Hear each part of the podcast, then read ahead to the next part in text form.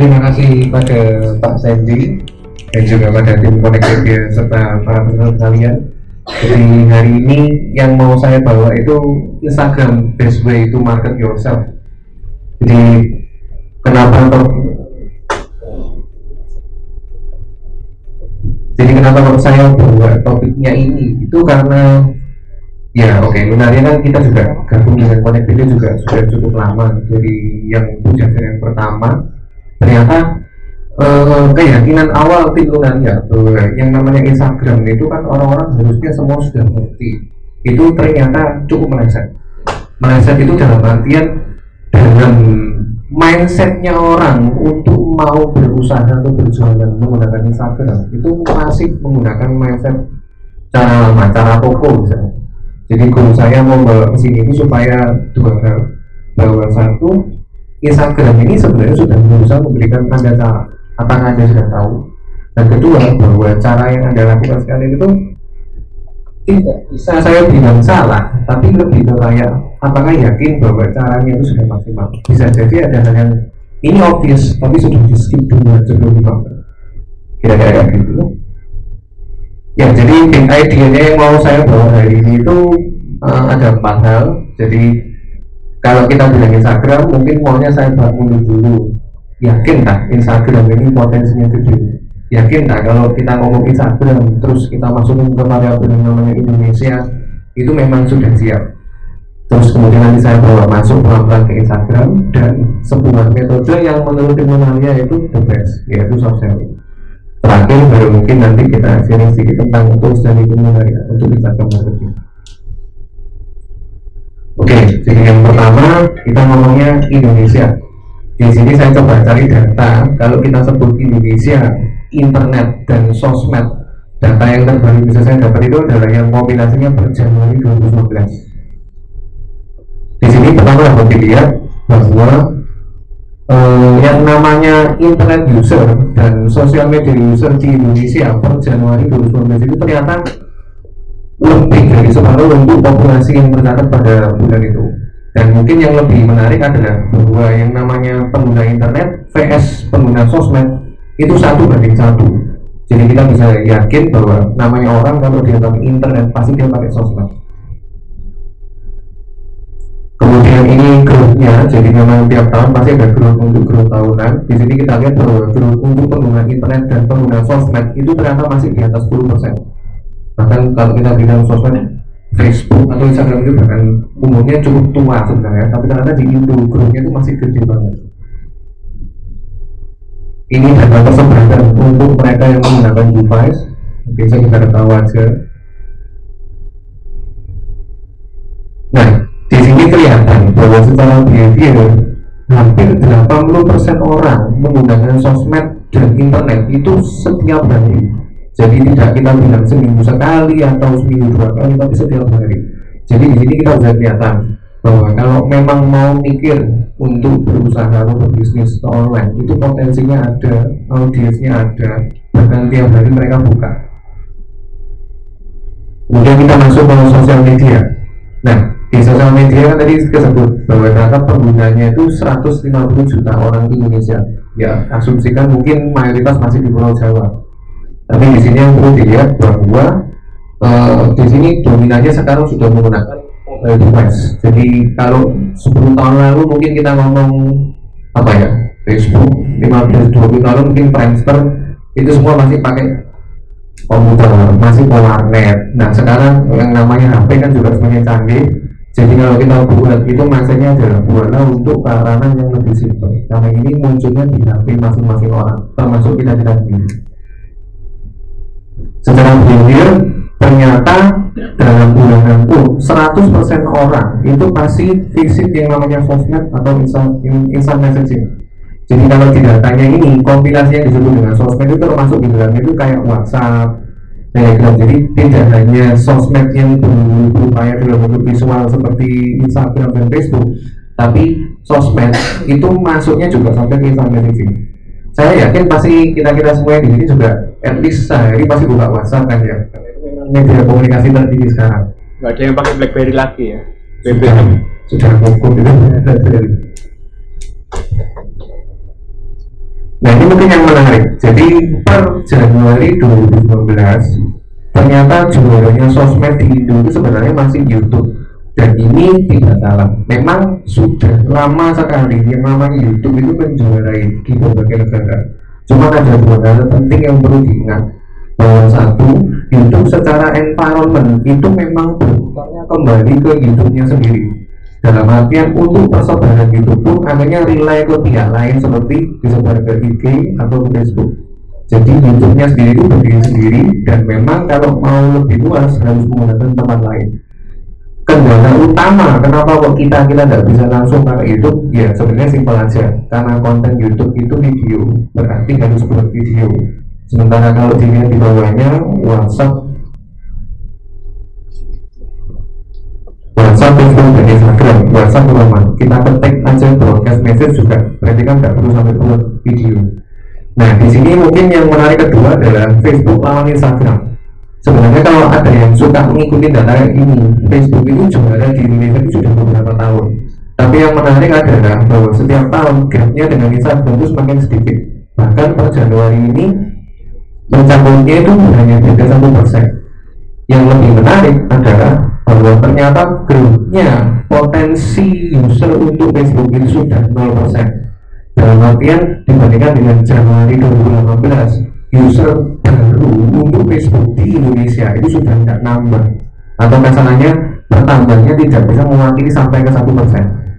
Di sini growth-nya masih lebih besar di Instagram.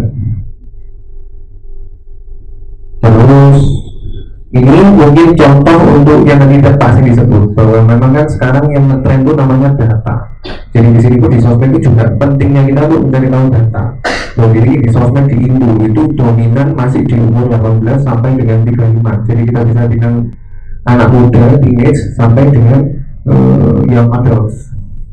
Kalau sudah mulai 35 itu ada penurunan. Tapi behaviornya tidak kalah dengan yang di bawah umur 18 tahun. Jadi memang jangan sampai anda salah fokus.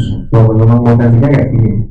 Dan kalau kita bicara gini berarti kita bicara lima tahun lagi. Yang kemarin 17 tahun itu sudah langsung masuk ke segmen masa berikutnya yang jadi dominan. Ini audiensi Instagram. Jadi ini benar-benar membahas Instagramnya. Di sini dapat dilihat bahwa ternyata tadi kan 150 yang main sosmed dari 150 itu ada 60 juta itu siap sendiri untuk Instagram. Ini memang makanan untuk untuk bagi para pebisnis supaya siap-siap anda fokus ke yang namanya Instagram. Ya itu sekilas dulu soal datanya di Indonesia. Kemudian habis ini kan uh, kita masuk jadi ini saya coba untuk kasih gambaran bahwa yang namanya kalau mau berjualan mau untuk marketing bahwa sebenarnya kalau mau bahas itu ada banyak banget baik secara offline maupun secara online tapi di sini hari ini kita cukup bahas yang kecil aja ini Instagram ini aja nah mungkin uh, ada yang mau ditanyakan dulu kalau soal potensi Oh,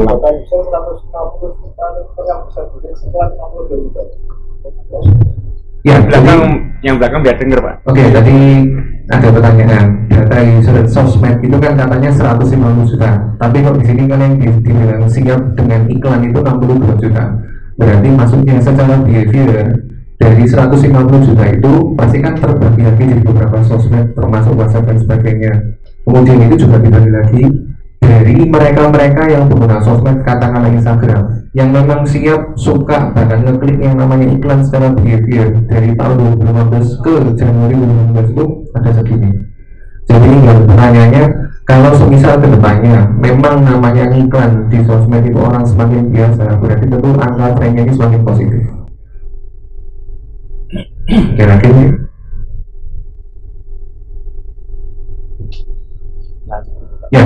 mungkin lanjut lanjut dulu. Eh, saya masuk ke yang namanya Instagram. Nah sebelum membahas lebih lanjut mungkin kan di sini semua sudah punya Instagram ya. Kira-kira komponen penting apa yang dibutuhkan kalau kita mulai bahas atau bicara tentang Instagram? Foto oke konten berarti ya. Ada lagi selain konten? Caption. Caption. Caption berarti bagian dari konten ya tulisan yang ada di konten. Oke ada lagi? Hashtag oke. Ada lagi?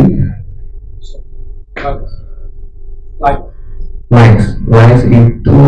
Hasil jadi dari tadi yang saya dapat ini infonya masih berputar di konten. Eh, yang mau saya coba bahas dari awal adalah tahukah anda bahwa komponen penting atau istilahnya kalau saya balik hal apa yang berpengaruh untuk dijudge hal apa yang berpengaruh dan mulai dijudge oleh calon calon target anda dari awal ternyata yang pertama itu bukan konten tapi justru username. Username anda itu juga berperan penting dari awal. Saya kasih contoh di sini ada dua nama username yang satu rahasia gadis yang satu gelang shop. Kira-kira sebelum saya bahas lebih lanjut bedanya apa? Dari dua username ini? Lebih menarik yang kiri kelihatannya. Lebih menarik yang kiri. Kenapa lebih menarik yang kiri? Karena semua orang ingin tahu rahasianya orang lain. Oh. Wah Mas Hendy ini senang cari-cari tahu rahasia orang. kepo itu kepo ada alasan lagi mungkin? Eh, atau ada yang merasa lebih menarik yang sebenarnya? Eh, gimana? Dan shock. Itu jelas gelang shop ada yang lebih suka gelang shop angkat tangan. Kenapa kau lebih suka gelang karena ini tahu apa yang dijual di sana. oh apa yang dijual di sana? Nah ini ada menarik. Belum dijelaskan apa apa sudah menyebut jual. Menyebut jual itu karena ini topiknya kita bahas soal business owner atau karena ini ada kata-kata shop di sini. Ada kata-kata shop. Jadi terasa ya dari username orang itu sudah ngejudge. Ini akun apa sih jadi kalau biasanya sering main IG kan di notif keluar Pak Sandy has followed you misalkan username-nya namanya Pak underscore Sandy. Berarti pikiran pertama yang keluar laki-laki. Oh iya Pak. Ini tapi dia berjualan apa? Dia butuh apa? Itu belum belum ketahuan. Mungkin masih kepo. Di sini ada gelang shop has followed you pemikiran pertama sih oh ini ada toko. Kemudian kalau keywordnya gelang ya berarti jualan gelang nggak tahu lagi kalau isinya mobil-mobil ya. Jadi itu yang utama. Username itu pemilihan katanya harus jelas. Karena dari awal itu orang sudah langsung berusaha untuk menebak anda ini sebenarnya mau ngapain? Mungkin akan lebih baik kalau misalkan username-nya itu adalah sebuah nama yang sangat unik tapi memang relevan dengan topik anda. Nanti akan saya lebih lanjut kedua akan saya coba kasih yang namanya studi kasus. Studi kasusnya itu begini. Eh, nama username-nya itu adalah MyMeetPie di sini ada dua kasus. Ya mati di sini ada dua kasus. Jadi kalau di search berdasarkan MyMeetPie sesuai dengan username-nya sama di search berdasarkan MeetPie saja. Ternyata hasil yang dibicarakan kelihatan. Di MeetPie MyMeetPie ini tidak langsung keluar Nah ini kenapa? Karena di sini itu nama yang ber- berawalan dengan meet kemudian meetpie itu masih banyak. hmm. Jadi sebenarnya my meetpie itu keluar tapi jauh di bawah. Jadi pemilihan user itu juga harus punya mindsetnya dari orang-orang. Apakah orang-orang itu lebih gampang ingat my meetpie atau lebih gampang ingat meetpie? Karena itu men- menentukan behavior orang itu akan ngetik apa dulu di awal. Nah di sini contoh lagi. Kalau ini milemu.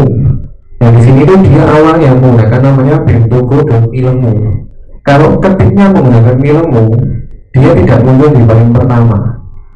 Tapi kalau misalkan diubah jadi milemu.sby dan ketikannya atau keyword sesuai masih milemu, itu dia berhasil untuk muncul di paling atas problem akan muncul seperti MiFi apabila yang menggunakan username milemu saja di depan itu banyak sekali akhirnya bentuknya akan kegeser terus ke bawah. Yang unik adalah ketika dicoba lagi setelah beberapa waktu bentuk milemu yang dulunya ada di bawahnya milemu ini bisa kemudian naik ke atas. Jadi di sini ada ada dua hal yang perlu diperhatikan. Eh, seberapa akurat Anda menentukan username dari awal? Karena itu membuat orang itu gampang menemukan. Nomor dua adalah dari reputasi akun Anda sendiri. Karena ternyata poin pentingnya orang eh, untuk menentukan username usaha itu ada empat. Berdasarkan pencarian terakhir berarti misalkan tadi kan sudah nyoba untuk cari ilmu kemudian memilih yang bentuk ilmu. Maka untuk ke depannya ketika cari ilmu lagi tunggu akan ditaruh di atas? Dan itu berdasarkan pencarian pada anda yang kayak kita bahas tadi soal MIPA itu adalah kata pada username karena memang pada dasarnya hasil pencarian itu urut. Jadi kenapa my di bawah? Ya simple karena m terus y. Sementara m terus e itu pasti lebih di atasnya. Yang ketiga ini bisa jadi faktor friend of friend katakanlah MIPA tadi atau my MIPA tadi itu adalah uh, username milik rekanannya Pak Sandy. Kemudian saya dan Pak Sandy di Instagram itu mutual friend maka waktu saya mencari MIPA akan diprioritaskan nomor tiga yaitu friend of friend jadi memang ini ada hubungannya dengan reputasi. Kalau banyak yang follow dan kebanyakan teman anda di hasil pencarian juga ini muncul di awal. Yang terakhir adalah reputasinya akun itu sendiri. Kalau akun itu banyak divisit orang akun itu banyak untuk dicari orang maka secara prioritas di hasil pencarian juga dia akan dimajukan ke yang lebih atas. Ini yang harusnya jadi uh, mindset untuk kita semua. Jadi kalau memang akun kita populer meskipun username-nya aneh bisa jadi itu keluar duluan di sini akan saya kasih langsung dua kunci. Jadi kalau kita biasa pakai namanya Instagram pasti kan ada namanya profil ini. Nah di sini saya kasih dua kan ini kan username wakilah lalu di sini ada Instagram web best model kit tutor Indo di Instagram itu beda dengan web. Kalau web kan kita ada namanya SEO ada namanya SEM gunanya adalah supaya sebanyak mungkin kata-kata terregister sehingga ketika orang nge-search itu bisa keluar website kita. Di Instagram hanya ada dua tempat di mana keyword itu fungsinya kayak SEO yaitu username-nya sendiri sama namanya itu. Jadi mungkin kalau dari teman-teman sekalian yang sekarang sudah punya usaha di Instagram bisa dicek apakah namanya itu sama persis dengan username kalau iya berarti mubazir karena di sini itu sudah mewakili pencarian maka base-nya adalah nama di Instagram profil itu lebih baik menggunakan keyword yang calon customer Anda ketika mau mencari Anda. Di sini ceritanya ada wakilan. Wakilan ini adalah sebuah akun yang ceritanya dia itu berjualan mainan rakitan Gundam. Mungkin kalau pernah dengar itu mainan rakitan dari Jepang untuk target market eh, orang dewasa. Di sini dia menggunakan nama Best Model Tutor Indo jadi di sini dia mencari data seperti yang tadi Pak Seni bilang bahwa ternyata memang orang lebih banyak cari model kit ketimbang ngomong wakilan. Tapi ada seninya sendiri. Kira-kira untuk jualan gudang atau jualan mainan kita, nama wakilan ini masuk akal nggak? uh, mungkin tajam dulu. Apakah ada dari audiens ini yang memang suka atau pernah berkecimpung di bidang-bidang? yang mainan kita robot robotan. Robot robot robot robot kita dulu pak. Dulu nah. ternyata jadi kenapa dia menggunakan nama wakilah itu ada ceritanya. Jadi setelah di riset itu ketemu di komunitasnya orang kita Gundam kalau kamu ceritanya habis beli lagi Gundam terus pamer ke orang-orang ngomongnya waduh saya hilang lagi minggu ini jadi kata-kata hilang itu adalah kata-kata yang beredar telah diriset. Memang ini familiar banget untuk komunitasnya Gundam. Jadi dia punya advantage. Username-nya sendiri bukan sesuatu yang aneh, tapi username-nya itu memang itu sangat familiar di potensi target market. Betul. Jadi mungkin juga jadi bahan teman-teman sekalian, username jangan sembarangan. Karena satu sudah dijudge oleh orang dari awal. Katakanlah Pak Sendi kalau Pak Sendi buka IG terus ada notif obat pelangsing has followed you. Jangankan follow balik. Kira-kira Pak Sendi mau nggak untuk ngecek profilnya? Kalau memang saya sekarang sudah langsing nggak perlu pak. Iya kalau dulu iya sih. Tapi kenapa ya? Ada banyak banget yang memang POL shop atau gimana sebenarnya tidak salah menggunakan username toh haknya sendiri. Tapi karena di nya itu bahkan sebelum mereka datang ke profil anda akan lebih baik bila username itu dari awal diberikan dengan baik. Hmm. itu yang pertama. Kedua dari tim lunaria jadi ini bukan bukan bukan ilmu pasti dari luar nah, kalau dari tim lunaria kita challenge adalah profil. Profil itu dari username nama sampai deskripsi. Jangan sebenarnya dimakan profil Instagram itu challenge-nya. Bagaimana caranya hanya maksimal 30 detik orang harus segera tahu ini aku ngapain. Hmm. karena kalau terlalu ribet banyak banget info di sini atau malah terlalu sedikit tidak ada infonya sama sekali. Biasanya orang swab rasio no chat no DM WhatsApp only. Tapi ya nggak dikasih nomor WhatsApp.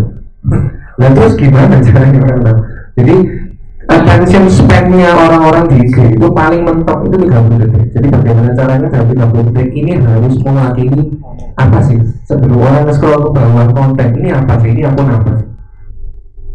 Mungkin juga ada baiknya kayak gini. Biasanya kalau di profil IG itu kan ada satu kolom kalau di edit profile namanya website.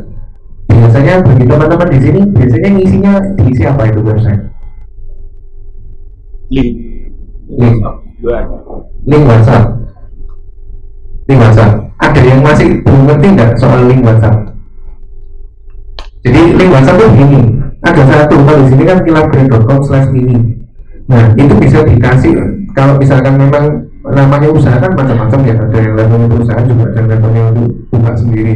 Kalau kita nggak punya website tapi alurnya begini. Kalau orang sudah tahu maka next stepnya adalah bagaimana caranya dulu mencari tahu lebih jauh antara chatting di konten DM di profilnya atau bisa segera ke WhatsApp.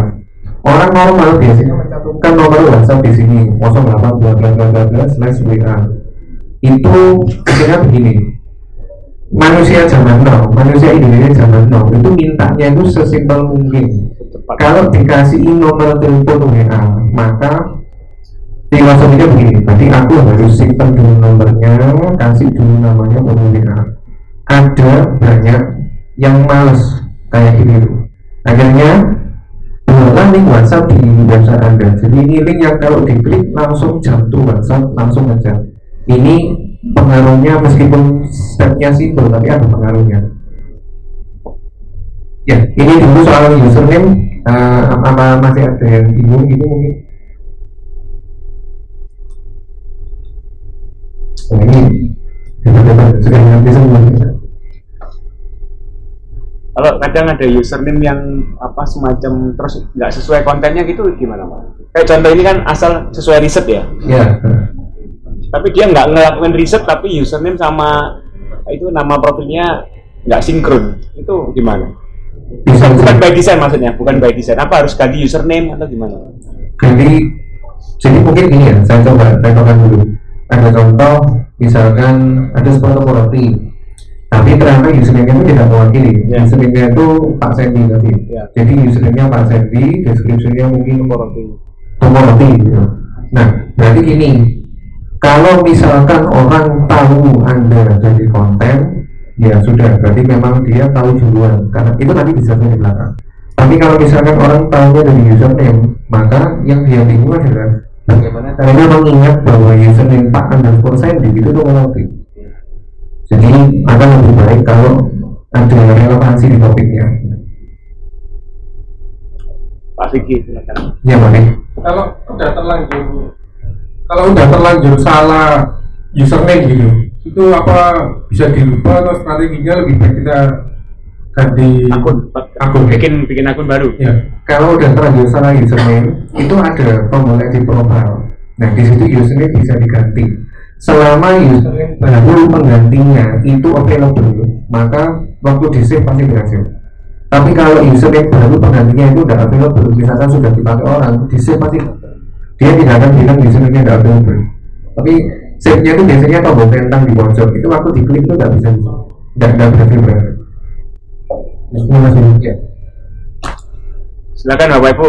Ini kita banyak diskusi ya, biar materinya bermanfaat. Ya, sifatnya santai aja, saya sambil diskusi ya. Eh, untuk username seberapa pengaruh sih penulisan username menggunakan underscore atau titik biasanya kan Oh, iya. eh, ketika ada satu bisnis misal roti manis roti manis ini paling banyak dicari nah saya juga ada usaha roti manis juga gitu tapi mau nggak mau eh, username roti manis ini tadi udah dipakai orang Iya.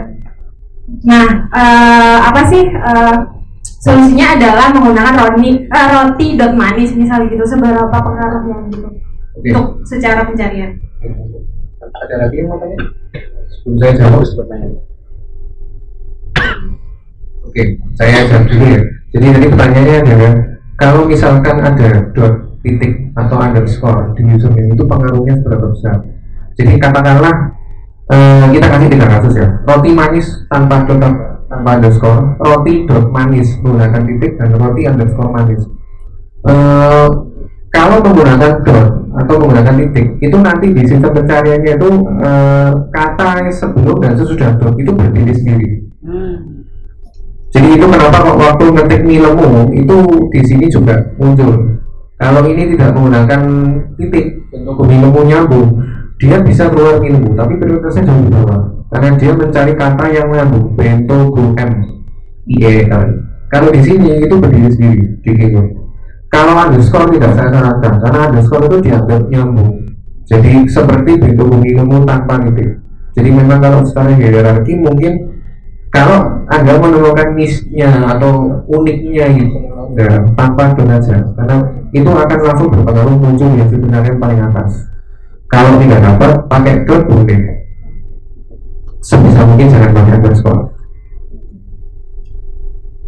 ada lagi? Sebelum lanjut. Berarti itu dianggap hmm, Ayam goreng itu ayam goreng satu sama ayam goreng. Eh, untuk pencarian ayam spasi goreng itu nggak pengaruh karena pengaruhnya itu nanti tetap dari kombinasi kata jadi kayak pencariannya Google. Tapi kalau untuk akurasinya itu memang pemisah antara kata dengan kata Mungkin mungkin terakhir ya sebelum beranjak jadi username itu ya nama juga penting iya tapi ingatlah bahwa secara hierarki atau secara flow Instagram itu mainnya konten. Jadi ini adalah pelengkap supaya kalau memang orang tahu anda sebelum Instagram anda supaya segera ketemu. Jadi sehingga kalau di website tadi SEO SEO itu memang di sini aja. Yang di bawahnya name ini ini tidak ada pengaruhnya sama sekali ke hasil pencarian. Hasil pencarian hanya melihat dari nama dan username saja Oke, mungkin bisa lanjut. Eh, yang saya bawa berikutnya adalah konten dan konten ini panjang banget ceritanya. Jadi mungkin kalau misalkan ada, ada pertanyaan langsung ditanyakan saja. Jadi konten Instagram itu saya kasih bocorannya dulu sebelum saya jelasin. Jadi saya akan membawa dari tiga poin. Poin pertama adalah konsistensi. Konsistensi ini bisa dua hal. Bisa dari frekuensi anda posting, konsisten tidaknya jam anda posting apakah tiap hari anda posting di jam yang sama atau terlalu jomplang termasuk konsisten dari topiknya. Kalau misalnya jual roti ya tentu seputar roti kalau misalkan bahas soal demo ya mungkin demo tapi dikembalikan ke roti. Karena konsistensi ini juga menjaga supaya audiens anda itu tetap ingat relevan dengan yang namanya topik anda. Ini sebenarnya ini sebenarnya yang paling susah engagement itu artinya adalah kombinasi antara like dan komen dan mungkin sekaligus meluruskan saja karena yang banyak tim lunaria temui adalah masih banyak eh, user-user Instagram yang merasa bahwa jumlah follower itu adalah yang penting. Karena pada dasarnya yang Instagram mau dan hanya yang Instagram anggap itu engagement rate. Jadi kombinasi antara like dan komen yang terakhir adalah hashtag. Tadi ada yang sempat nyebut hashtag nanti akan saya bahas lagi di belakang ini contoh kontennya tadi wakilah jadi di sini tadi kan saya nyebut sudah kasih bocoran wakilah itu katanya jualan rakitan. Jualan mainan rakitan yang namanya gudang kalau dilihat bahkan tidak ada mainan ini gambar ilustrasi dari orang di internet. Jadi ternyata Wang Kilang ini buat kontennya juga tidak melulu produk yang dia buat lalu dia foto. Dia bisa menggunakan dari yang memang kebetulan barang yang dia jual adalah barang yang terkenal di luar. Jadi bahan kontennya virtually animated. Nah, kalau mau bahas konten marketing atau konten Instagram untuk berjualan, kita harus keluar dulu dari Instagram di sini ini ada sebuah ilustrasi yang saya temukan di internet namanya evolution of marketing jadi mungkin saya kasih gambaran aja. Dulu zaman dulu sekali kalau mungkin kayak di film-film cowboy sampai zamannya film-film sebelum ini sih istilahnya jualan itu namanya push marketing. Segera beli barang saya barang saya barang nomor satu. Pokoknya kita paksa orang itu membeli tanpa mereka tahu sebenarnya ini barangnya bisa apa. Kemudian muncul yang namanya televisi di televisi namanya iklan zaman awal itu memaksa supaya kita harus mulai menjelaskan barang ini bisa apa? Kemudian dalam seiring berjalannya waktu kita tidak bisa nilai dengan produk dan fungsinya aja. Kita harus bisa ngasih sebuah icon kalau kayak halo saya kuku dari kuku plus jadi maksudnya adalah value nya itu kita bawa ke sebuah hal karakter. karakter atau maskot yang tidak langsung berhubungan dengan produk dan fungsinya kemudian ada fungsi berikutnya itu kayak permen Ricola itu dari pegunungan Swiss Alpen. Jadi kita membawa value-nya pegunungan Swiss Alpen supaya orang segera asosiasi oh dari permen Ricola ini pedes min misalnya kayak gitu. Jadi mungkin kalau kayak soto Lamongan itu orang mungkin sudah nyobain soto Lamongan kayak gimana. Jadi ada evolusi di mana barangnya itu sudah ada relevan. Yang relevan adalah value yang dibawa air minum ah dari pegunungan air mata pegunungan ya itu sama. Nah yang terbaru yang mungkin sekarang juga alami adalah apa sih marketing paling nyantol di diri kita? Adalah yang direkomendasikan oleh teman-teman. Eh sudah nyoba nggak itu sotonya sebelum? Wah, enak loh jadi sama sekali nggak ada efeknya terhadap yang namanya iklan. Iklan iklan majalah iklan televisi sebagainya itu itu sudah orang nyantolnya atau bapaknya istilah bapaknya itu sedikit. Bapaknya itu lebih percaya ke omongan teman mana sih soto yang enak itu? Eh kamu sudah nyoba gak sih uh, make upnya si yang baru buka di GM itu itu? Bagus kan?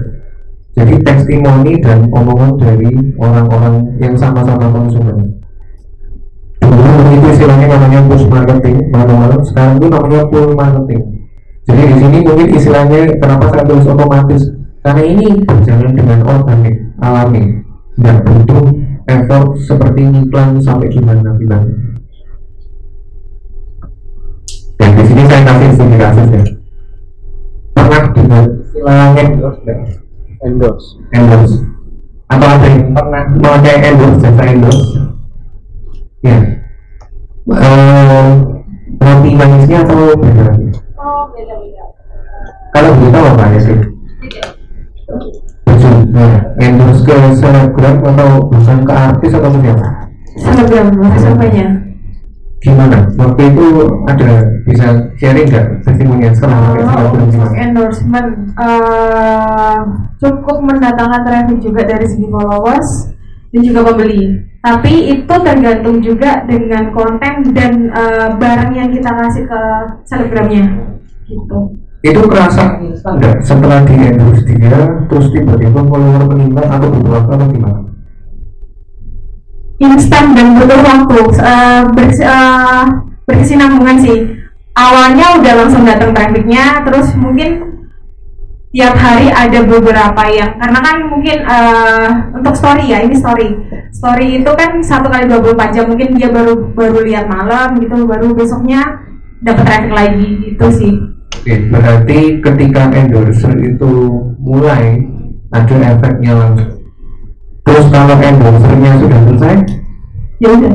Oh ya udah, waduh, kecuali kalau endorsementnya di feed ya kemungkinan bisa jadi eh, satu minggu ke depan baru datang lagi. Efeknya lebih lama. yes betul Jadi di sini ada saya coba colok eh, kontennya seorang selebgram. Di sini kelihatan kelihatan nggak ya? Ada like-nya di angka 5 ribuan, 6 ribuan. Tapi ini konten lama. Ini saya ambil konten lama. Jadi mungkin kalau dicek lagi ke selebgramnya mungkin antara lebih besar lagi atau malah lebih kecil. Kira-kira katakanlah di sini ini semua ada penjualan baju kayak baju baju kekinian, oh Bangkok dan sebagainya. Kira-kira mau nggak endorse di selebgram ini? Kok kalian kenapa? sama angka like-nya sama komen Anggaran sama komennya kalau Oh tadi gimana? Eh, kesannya gimana bagi selebgram? kurang indus Kurang engage. Berarti ada ada ada kesadaran bahwa sebenarnya yang penting itu komen gitu ya. itu testing oke. Jadi ternyata dia dengan live diri dia itu punya follower 357 ribu asumsikan followernya asli sekarang setelah tahu followernya segini mau nggak endorse dia? Masih tidak mau Wah, ini kumpul sekali. Jadi di sini Berapa persen ya? 357 ribu follower? Berapa persen pak lima ribu ber oh tergantung harganya oh iya. Nggak Ya. orang Nah, kalau ngecasnya enam ribu ya nggak apa-apa Oke, harga lainnya. Angkrut lah. ya, ini kasus pertama ya, ada selebgram dengan like rata-rata anggap rata sekian dan followernya sekian. Kemudian saya kasih kasus kedua. Like-nya kalah jauh sama selebgram tadi. Tak buka aja, ini kontennya wakil-wakil tadi hmm. Komennya ada yang 50 ada yang sampai 230 Hmm. langsung tak buka ya. Followernya 6 ribu? Kalau sama yang ini mau nggak endorse? Atau tergantung harganya lagi? Pasti pasti pasti pasti tergantung harganya kalau di antara dua kasus tadi untuk ngomong endorse kira-kira lebih lebih kepingin untung endorse ke yang mana yang ini pak yang ini karena persentasenya yang kalau saya lihat persentase ya ya yang ngasih like itu kan misalnya 400an dari 6000 ribu Hmm. dibanding yang tadi kan 500an dari 35 ribu persentasenya kan lebih besar ini pak Oke. Ini itu eh, akunnya wakilah. Jadi kenapa kok dari tadi saya bawa wakilah terus? Jadi di Yunaria itu kan kita ada foundernya tiga. Itu kenapa kok posisinya? Ada Pak Matthew yang juga autornya buku itu, ada saya dan ada Pak Roy yang di depan. Nah, poin pentingnya begini. Wakilah ini adalah akun yang memang dari awal dibuat untuk pembuktian buku ini. Jadi akun wakilah itu dari awal bukan dari orang yang mau jualan kuda Yang buat medium Dan ini itu adalah konten tahun pertama Ini setelah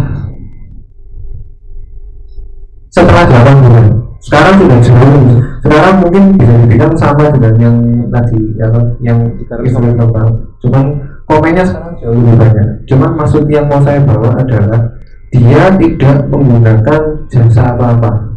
Hanya mencoba untuk mengikuti ilmunya buku ini. Poinnya adalah bergerak dari sisi customer yang nanti akan saya bawa. Di sini terlihat ya ternyata komennya tuh orang lebih mau untuk komen daripada selebgram yang sudah wis wis gak usah nangis pasti cantik kayak gitu. Ini ini ada produk dari Lunaria namanya Lunaria Report. Ya yang mau saya tunjukkan di sini adalah ini ada kemungkinan besar yang terjadi kalau endorse ada kenaikan sampai pada masanya endorse-nya selesai. Kemudian dia stagnan dan dan bisa permanen. Berarti kenaikannya tergantung selebgramnya aja. Alias kalau mau naik lagi ya harus bayar mana ya? bayar lagi makanya benar kalau ini pertanyaannya lu harganya berapa dulu gitu kedua yang perlu dilihat ini adalah rasio gain dan loss. Jadi dapat berapa unfollow-nya berapa? Hmm.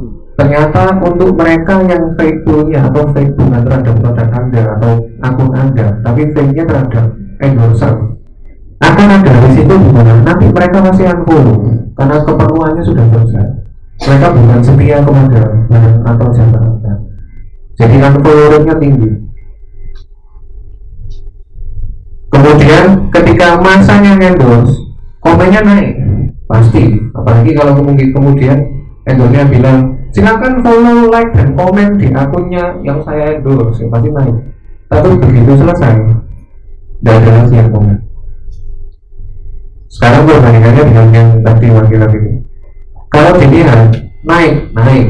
Cepet enggak lama. Hmm. Lebih lama ketimbang yang di endorse butuh waktu. Unfollow rate-nya hampir nggak ada. Karena ceritanya memang orang nggak dibayar atau disuruh untuk nge-follow. Mereka nge-follow sendiri. Jadi mereka nge-follow murni karena kelihatan kontennya dua selesai komen. Persebarannya komen untuk dari konten itu rata. Kemungkinan besar naik adalah karena ada topik yang relevan. Kayak sekarang demo mungkin ngomong apa. Tapi kebalikan lagi ya. Topik itu ada yang panas ada yang dingin. Topik panas juga ada yang risikonya besar ada yang enggak. Ambil contoh sekarang ini kita ngomong-ngomong pas bulan Januari Februari terus saya suruh buat konten tentang pemilu uh panasnya cepet. Tapi hebatnya juga dapat banyak. Jadi ada topik panas yang resikonya tinggi ada topik yang lebih aman.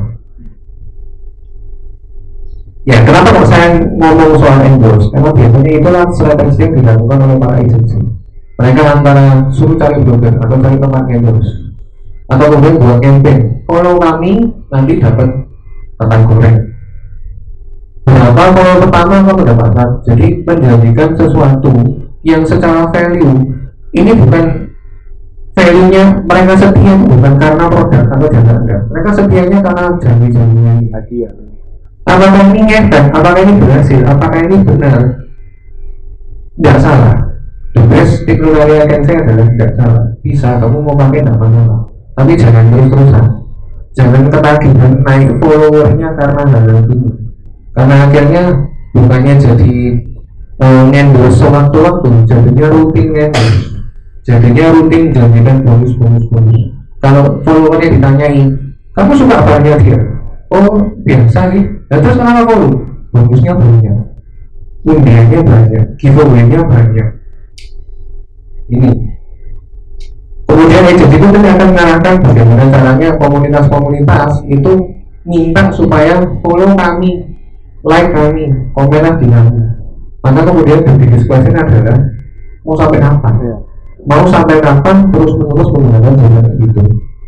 Kalau iklan ada yang sudah sudah pernah pakai iklan Instagram atau Facebook? Ada. Gimana? Nah, bisa sharing sedikit tentang iklan Ya, eh, selama ini eh, pakai eh, Instagram Ads Insight ya, ya itu memang berbayar.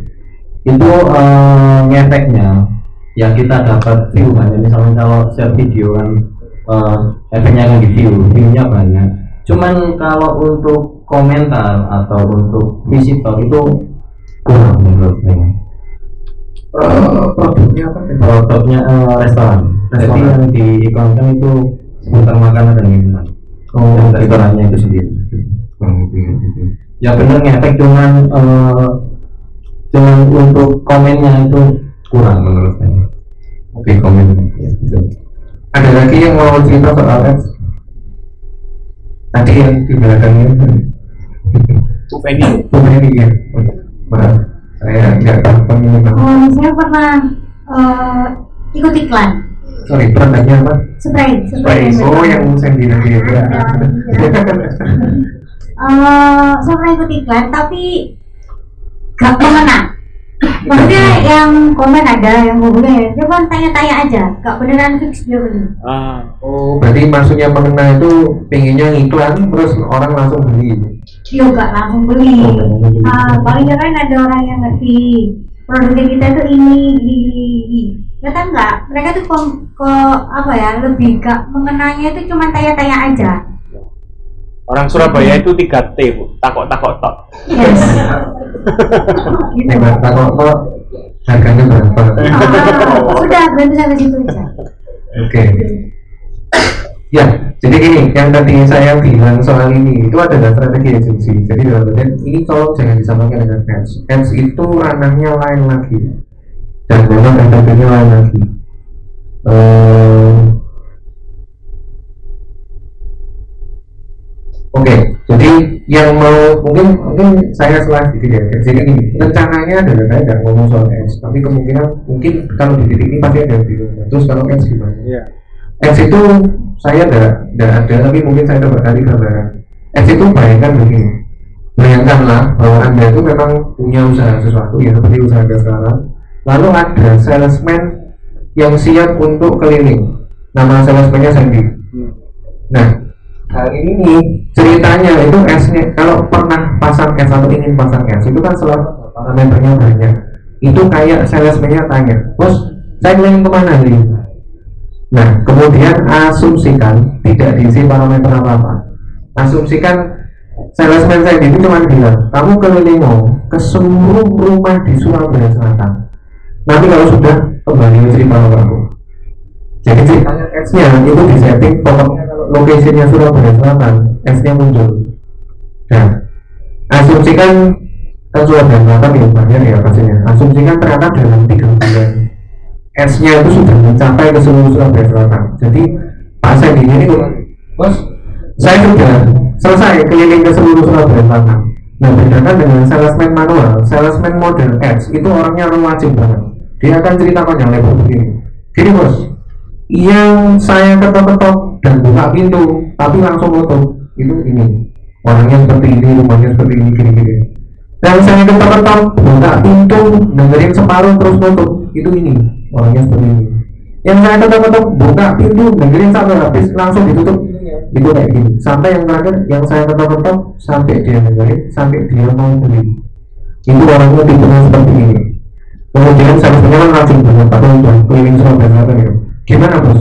Aku tak keliling ke mana lagi ads-nya akan nanya nih apakah anda mau melanjutkan ads lagi? Kemudian asumsikan ya aku tak ada aku tak nanya ads lagi.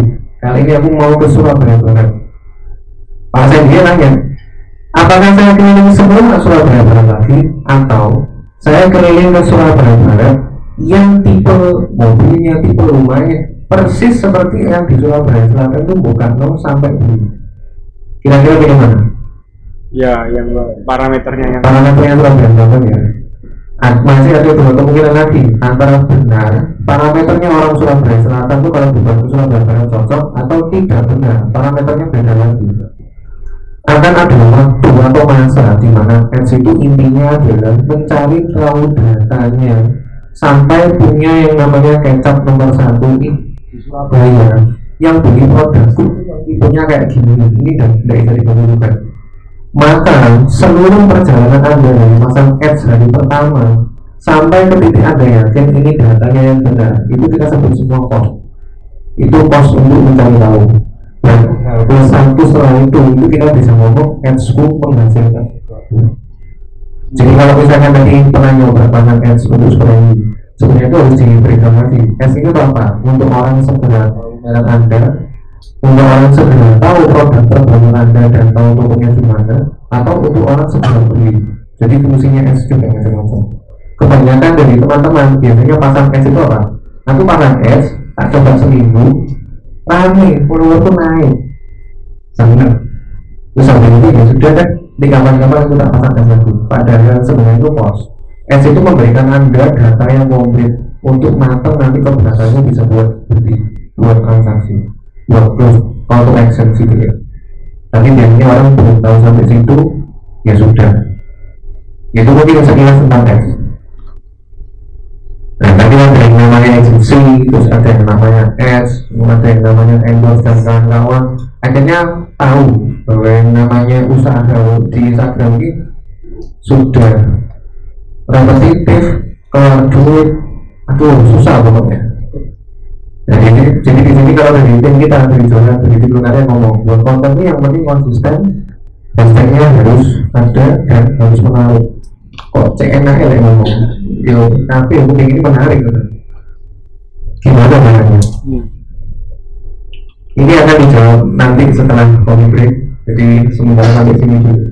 Mungkin diskusi dulu ya, Bapak Ibu. Mungkin sampai di sini kira-kira ada yang mau tanya. Minggu depan jangan. Baik Bapak Ibu, kalau untuk waktu kita sebenarnya istirahat jam 3 ya jam 3 kurang 10 cuma kita masih ada kurang lebih 15 menit. Silakan kalau ada diskusi dari eh, sesi pertama ini yang disampaikan oleh Pak Johan ya. Kurang lebih kalau yang belum disampaikan tunggu dulu karena setelah itu ada sesi 2 ada yang lebih detail lagi nanti. Sejauh username ini catatan saya Pak username kemudian penamaan profil dari segi apa tadi eh, endorse. Adakah pertanyaan Bapak Ibu? Kalau nggak ada saya coba tanya duluan. Boleh ya Pak? Ya Oke, Pak kalau dari segi iklan tadi kan Bapak sempat mention iklan ya. Ya, itu kan terkadang kita sesuaikan dengan budget kan Pak? Budget yang kita punya. Betul. apakah eh, berlaku sistem seperti setahu saya Google itu ada kata kunci pay per click gitu Pak ya Iya. semakin banyak yang menggunakan kata kunci itu harga pay per clicknya semakin mahal Hmm. alias eh, kata kunci keyword favorit itu bakal kalau kita budget harus besar kalau nggak gitu kalah bersaing sama perusahaan lain yang menggunakan kata kunci itu gitu kan nah apakah berlaku hal yang sama di Instagram Pak? Arti kata kalau banyak orang menggunakan eh, interest atau tadi sales yang yang kita harapkan dia dengan target parameter ini bakal kita bersaing gitu loh budget yang layak berapa Oke, kalau dari saya Pak, saya nangkapnya ada dua pertanyaan. Ya. Satu adalah soal budget, kedua adalah soal jenis iklannya sendiri. Jenis yang saya target. Nah, eh, kalau ngomong iklan Instagram itu sebenarnya kita ngomong iklannya Facebook. Kenapa ya? Karena momennya sekarang sama. Ya. Ngatur iklannya IG juga dari FB Ads Manager. Masih dari Facebook dan itu memang pembagiannya macam-macam. Tadi kan saya bilang ada orang itu goalnya apa? Itu ads sudah banyak di awal. Apakah goalmu untuk awareness saja? Atau goalmu itu untuk klik atau goalmu itu sampai ke closing jadi ada pasang tracking sampai ke website. Jadi macam-macam. Ada yang pay per view juga. Jadi ketika orang sudah nge-play iklan sekian detik, satu sudah dikurangi itu juga ada. Nah, kalau untuk biaya berapa? Eh, kembali ke teori dasar aja. Segitiganya itu kan selalu waktu, usaha dan biaya. Eh, katakanlah ingin segera untuk mendapatkan data Surabaya, gede Surabaya itu. Data Surabaya ini saya punya deadline 6 bulan. Ya berarti kan time-nya yang besar, terus minta untuk usahanya maksimal dan maksimal otomatis budgetnya juga maksimum kan kembali lagi kalau budgetnya kurang tapi kemudian kita mintanya supaya tetap dalam enam bulan berarti gede nih jadi jangan cuma nge tapi kalau soal budgetnya berapa itu itu tidak tidak bisa di, diberikan seperti harga mati pak harusnya biaya sendiri tidak bisa karena kembali lagi ke produknya kembali lagi ke segmen pasarnya dan sebagainya Jadi iklan itu bukan solusi yang terbaik ya Pak ya, supaya Instagram kita banyak follower atau banyak pembelian, transaksi di toko. Jadi iklan IGS itu solusi yang kesekian. Bapak lebih utamakan lebih kepada konten, username tadi Pak ya. lebih utamakan kepada ya ngomong IG kita ngomong ke akun IG-nya sendiri sesuatu yang bisa dikerjakan berulang diberikan jadwal biaya paling juga kuota buat ngupload konten Iya. sama balas komen itu aja Kuncinya 30 detik pertama orang harus tahu ini akun apa. ya Saat dia pertama lihat sebelum scroll jauh ke bawah ya, itu. Silakan Bapak Ibu, saya menteri ke diskusi. Bila ada mungkin uh, hal-hal yang didiskusikan, silakan. Dari restoratif diagnosa, silakan. Ya, eh, boleh lihat data untuk umur pengguna Instagram atau Facebook tadi. Oh, di Awal tampilkan, ya. Jadi, data umur ya ya, ya Ah, ini kan umur. Eh, ini kan untuk pengguna sosial media kan kebanyakan penggunanya rata-rata adalah di usia milenial, Ya. yaitu di usia 18 sampai 30-an tahun. Ya? ya Ya. Nah, ini kan eh, terkait untuk pengguna. Ini kan apa itu namanya eh, target market. Kebetulan kan usaha kita adalah restoran yang target marketnya sebenarnya adalah di usia 30-an ke atas. 30-an ke atas. Jadi eh, kalau seperti itu efektifkah kita kalau pakai Instagram? Pertanyaan saya. Eh, pengguna Instagram ini kan banyak karakternya.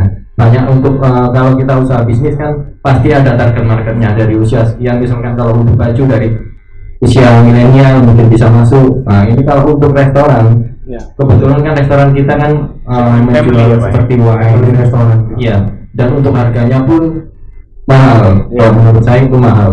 Jadi untuk anak usia maksudnya untuk generasi milenial yang masuk ke restoran saya itu sedikit pasti sedikit. Ya. Nah, pasti usianya pasti di atas 30 tahun. Itu efektifkah kalau saya masih pakai Instagram Ads atau endorse atau sejenisnya seperti itu?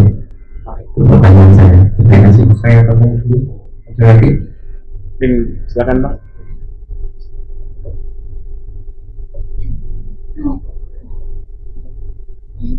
Ini timnya Pak Hitek ini. Baik, terima kasih. Kalau ini saya mau tanya ya. Ini Bapak bisa sini sebentar. Bayar ini Pak kalau sudah konsultasi. terima kasih pak HP-nya bonus. Nah, jadi ini saya mau tanya tentang perihal security ya. Jadi ada beberapa kasus itu saya mau mendapatkan konten di blogger Pak. Bukan masalah audio atau yang lain, itu masalah nggak tahu itu nggak bisa login gitu loh nah yang saya tanyakan kan gini dulu tuh saya pernah mainan Facebook ya pak dulu tuh saya memang bikin akun Facebook itu sampai 10 akun. Dan dan itu waktu tahun 2009 an itu algoritmanya gini ketika kita eh, melaporkan satu orang untuk eh, maksudnya gini satu orang itu ada yang melapor sekitar 10 orang maka orang itu akan terblokir selama satu minggu. Dulu algoritmanya Facebook itu gitu. Nah apakah di Instagram itu sama kayak gitu ya Pak? masalah security-nya ya. Pak? takutnya nanti ada kayak persaingan terus apa-apa kita di report di report kan ya takutnya nanti ada ya itu makasih makasih Pak Abeng. Dua pertanyaan ini Pak, yang tadi dari Pianosa Resto, Pak siapa tadi Pak? Maaf. Pak Rizky satu, Pak Kamal dari kita PT Tata Rapika Globalindo. Oke. Mau duluan silakan Pak. Eh, Pak Rizky dulu. Jadi ini pertanyaannya kalau saya adalah kalau misalkan melihat data ini yang potensinya memang dominan di milenial dan baby boom, eh, milenial dan Gen Z ya. Terus kemudian misalkan ternyata segmen pasar saya ternyata di luar itu, apakah Instagram itu masih red? Apakah Instagram itu masih maksimal atau enggak? Oke, mungkin akan saya mulai dari gini. Eh, persentase yang didapat dari data ini adalah untuk semestanya yaitu 150 juta pengguna. Jadi kadang-kadang kalau kita bilang 30 sampai 44 di sini kan gabungan dari 12 dan 7 persen dari itu. Tapi kalau dibilang apakah datanya itu maksudnya begini, apakah orang yang kemarin umurnya dari 20 25 itu selamanya 2025 jawabannya adalah tidak jadi yang yang dipak yang dimaksimalkan untuk IG itu memang murni satu adalah kenalilah segera segmentasi pasar anda dari situ cobalah untuk gali dari segmen pasar anda itu sendiri apa sih yang sebenarnya mereka suka. Itu sebenarnya nanti akan dibahas di dalam di belakang. Tapi poinnya adalah marketnya itu ada. Tapi tinggal behaviornya mungkin saya ambil contoh begini ya. Timunannya dulu ada klien yang bergerak di bidang interior. Nah kalau kita bicara inter- interior itu kita bicara proyek yang jutaan kita tidak bicara untuk anak-anak umur 18 20 itu yang apalagi bayi gitu. Ternyata dia itu adalah termasuk pelanggan yang sangat puas menggunakan Instagram. Waktu saya tanya kenapa karena kita juga kan dari data data yang kita dapatkan akun IG-nya dia itu meskipun nggak menggunakan cara yang nanti akan kita coba itu sepi nggak ada komennya tapi kenapa kok dia terus puas? Ternyata behaviornya begini? Pelanggan umur 45 sampai katakanlah 60 itu behaviornya adalah mereka buka IG mereka lihat. Tapi mereka langsung cari di deskripsi nomor nomor teleponmu berapa. Jadi behaviornya tidak tercermin di IG tapi kontak. Dan itu ada itu real nggak cuma Surabaya Surabaya pun banyak jadi basically ditanya apakah bisa pembuktiannya adalah klien kita ada kok ya gitu. Jadi tinggal permainan di kontennya aja. Kalau kontennya anda itu memuaskan yang mereka cari ya behavior manusia saya bawa untuk ya ke Google aja. Saya ada keyakinan bahwa yang namanya customer produk ataupun jasa apa pun anda itu di customer itu cuma tiga. Customer yang pro yang panas yang memang saat ini mau kepingin beli Pak Sandy adalah penjual bakso? Customer adalah yang hari ini ini sudah lapar kepingin makan bakso. Customer warm adalah orang yang biasa beli beli makan beli jajan di luar yang sudah sering kuliner. Mungkin sekarang belum lapar.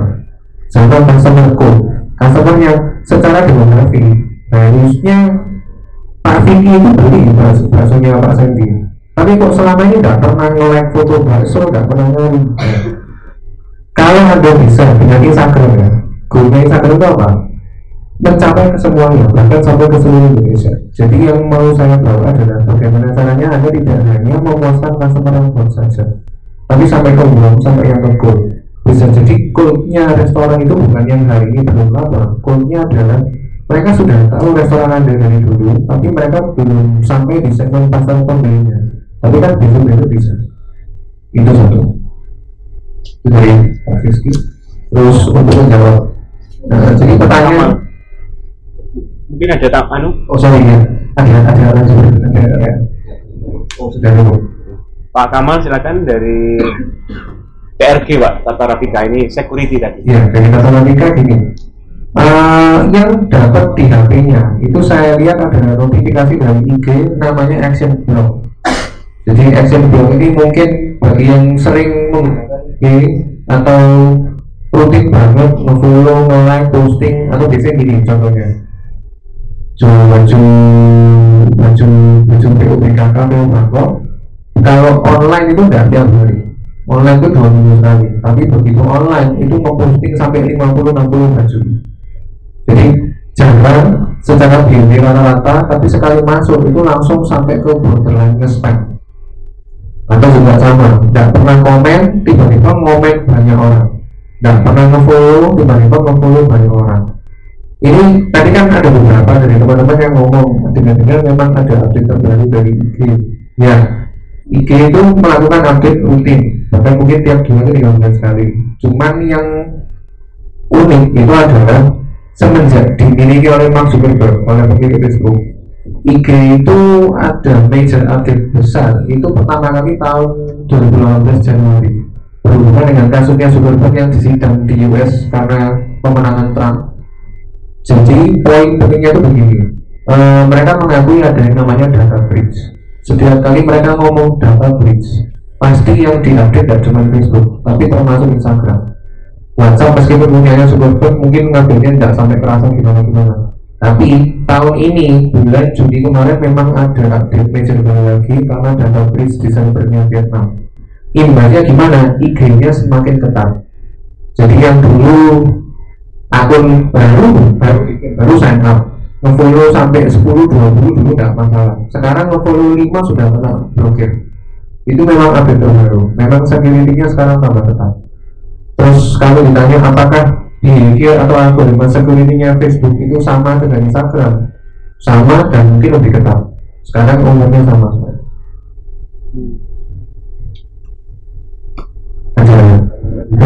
mungkin ada tambahan dari saya Pak. Kapan lalu sempat eh, ada sedikit pengurangan penggunaan sosial media Bapak? Tahu ya? Waktu jadi kerusuhan di Jakarta. Jadi sempat WA, IG, apa sosial media dibatasi oleh pemerintah kita supaya viralnya isunya nggak melebar ke mana-mana. Masih ikut ya Bapak Ibu ya?